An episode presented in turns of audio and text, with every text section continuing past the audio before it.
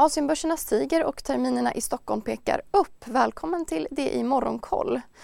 Det är uppåt i Kina sedan kinesiska myndigheter sent igår kväll meddelat att man slopar karantänsregler som, karantänsregler som har varit i nästan tre år.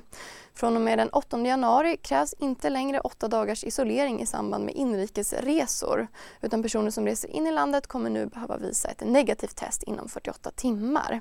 Shanghai och Shenzhen stiger 1 vardera. Hongkongbörsen öppnar först imorgon.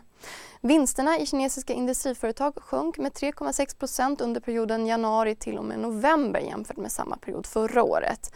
Det här är enligt Kinas nationella statistikbyrå. Tokyobörsen stiger svagt. Försäljningen i den japanska detaljhandeln steg med 2,6% jämfört med samma månad förra året. Väntat var en uppgång med 3,7% Det här är nio månader i rad som försäljningen stiger. Från månaden innan sjönk dock försäljningen 1,1% Bolag i sektorn hör till börsvinnarna idag. hm konkurrenten Fast Retailing som äger Uniqlo lyfter cirka 2 och när vi ändå är inne på Japan så ska vi också nämna att arbetslösheten i landet sjönk till 2,5% i november från 2,6 i oktober vilket var i linje med förväntningarna. Så över till USA där börserna stängde upp i fredags inför långhelgen. Elbilstillverkaren Tesla har tidigare lagt ett sen tidigare Expressen gör varje vecka podden Politikrummet där vi djupdyker i det senaste och viktigaste inom svensk politik. Med mig, Filippa Rogvall, som programledare tillsammans med mina vassa kollegor. Och det är ju ni som heter Thomas Nordenskjöld, Anette Holmqvist och Viktor Bartkron. Politikrummet kommer med ett nytt avsnitt varje tisdag. Vi hörs.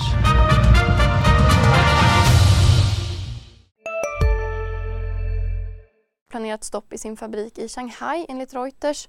Någon anledning till det förlängda stoppet uppger inte bolaget. Tidigare år tvingades Tesla hålla sin fabrik i Shanghai stängd i flera veckor på grund av covid-relaterade störningar.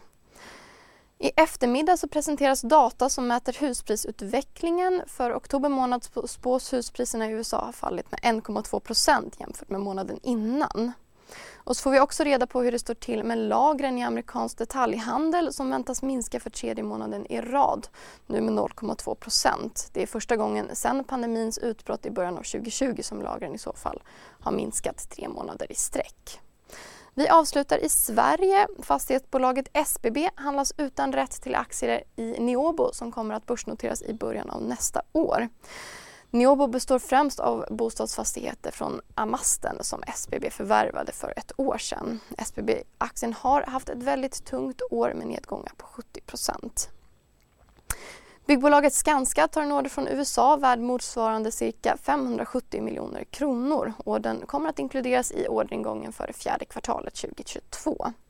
Börserna i London, Toronto och Sydney de håller stängt idag.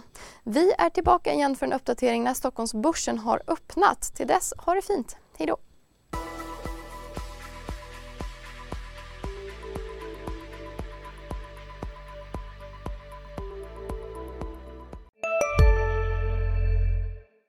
Vi är specialister på det vi gör, precis som du. Därför försäkrar vi på Swedea bara småföretag, som ditt. För oss är små företag alltid större än stora och vår företagsförsäkring anpassar sig helt efter firmans förutsättningar. Gå in på swedea.se företag och jämför själv. Hej, Synoptik här. Hos oss får du hjälp med att ta hand om din ögonhälsa. Med vår synundersökning kan vi upptäcka både synförändringar och tecken på vanliga ögonsjukdomar. Boka tid på synoptik.se.